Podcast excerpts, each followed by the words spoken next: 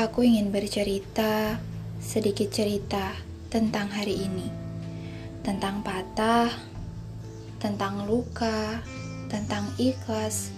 Semuanya aku dapatkan hari ini. Dimulai ketika hati yang aku susun sekuat apa pun ternyata masih bisa dipatahkan. Tentang luka yang menyelam terlalu dalam hingga akhirnya luka itu kembali bersemayam. Tentang sebuah keikhlasan untuk melepaskan agar tidak ada lagi hati yang tersakiti. Iya, memang terkadang cinta bisa setragis itu, mengorbankan perasaan kita sendiri agar tidak ada hati lagi yang tersakiti untuk kedua kalinya.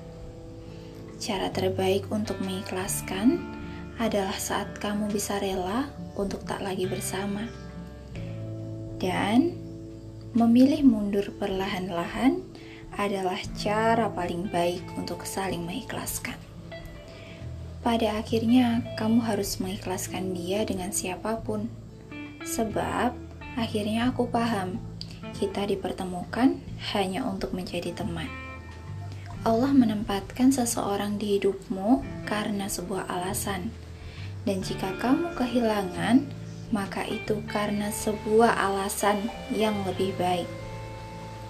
Kalau aku bisa memilih takdir, aku akan memilih untuk tidak mengenal dia sepanjang hidupku. Aku tidak tahu mengapa semua ini terjadi di saat yang bersamaan.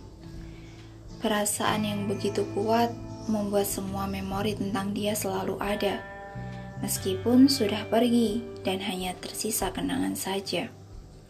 Perasaan ini masih tetap sama dan masih tetap tersimpan. Mencoba lapang dada dan ikhlas akannya.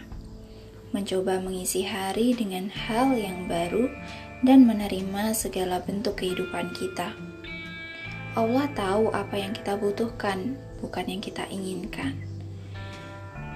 Mungkin dia datang untuk berpindah, bukan untukmu selalu ada.